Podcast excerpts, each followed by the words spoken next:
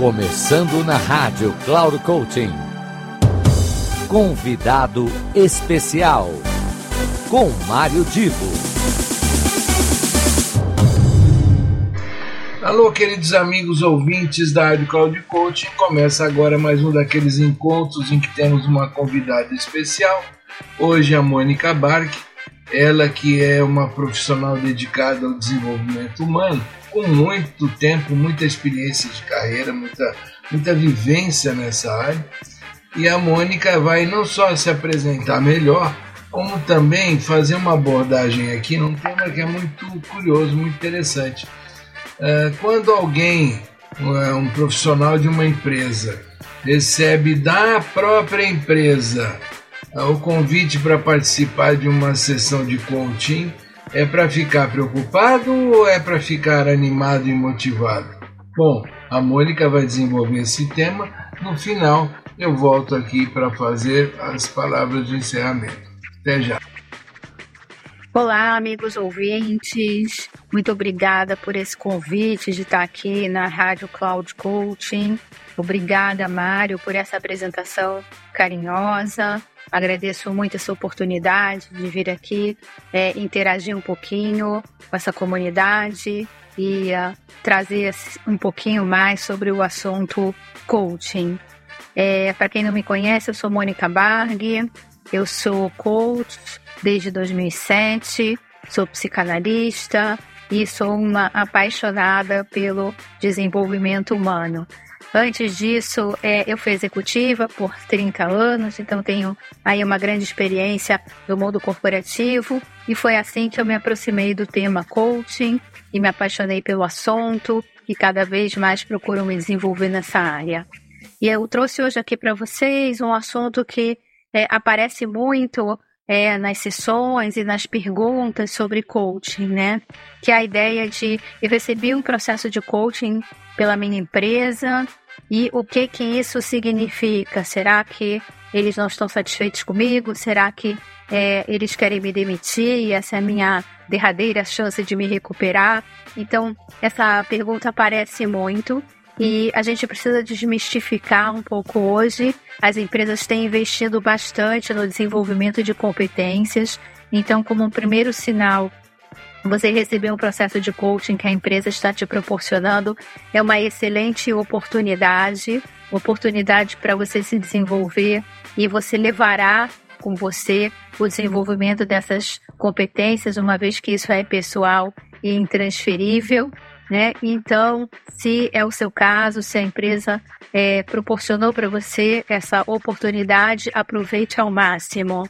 Uma coisa também bastante importante que os processos de coaching são confidenciais, então não há compartilhamento da sua história ou do seu conteúdo, seja com a empresa, seja com é, a consultoria que estiver te apoiando. Então a ideia é que se acorde o desenvolvimento dessas competências e que você, juntamente com seu gestor, possa interagir e saber aquilo que vai ser mais efetivo para o seu desenvolvimento pessoal e para a posição é, que você ocupa naquele momento. Então, ao receber essa possibilidade de é, ter um, um apoio de um coach durante a sua carreira, é sempre bom que você é, agarre essa oportunidade e faça dela o seu desenvolvimento da melhor forma possível. Então, essa é a minha recomendação para quem fica um pouco inseguro, né? A ideia é que você fale com seu coach, também estabeleça uma relação de confiança e aproveite máximo o processo. Então, queria deixar aqui esse recado. É, o meu nome é Mônica Barg, vocês me encontram facilmente nas redes sociais com esse nome ou por meu e-mail barg.monica.gmail.com. Foi um prazer falar aqui com vocês. Um grande abraço.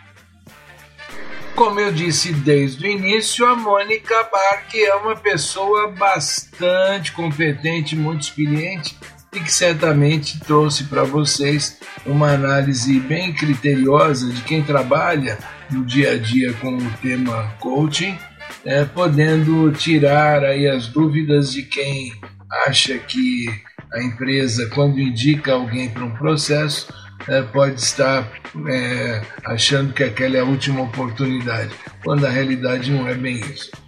Fiquem aqui então com meu agradecimento por vocês me acompanharem não só nesse espaço, como em todos os espaços aqui da Rádio Cloud Coaching. E contamos também, todos nós, toda a nossa equipe, com a sua audiência todas as semanas. Até mais, aproveite bem essa semana, muita atenção, muito cuidado, muita harmonia na vida, muita saúde e vamos nos encontrar daqui a exatamente sete dias para ter um novo convidado ou uma nova convidada especial. Até lá. Final do programa Convidado Especial.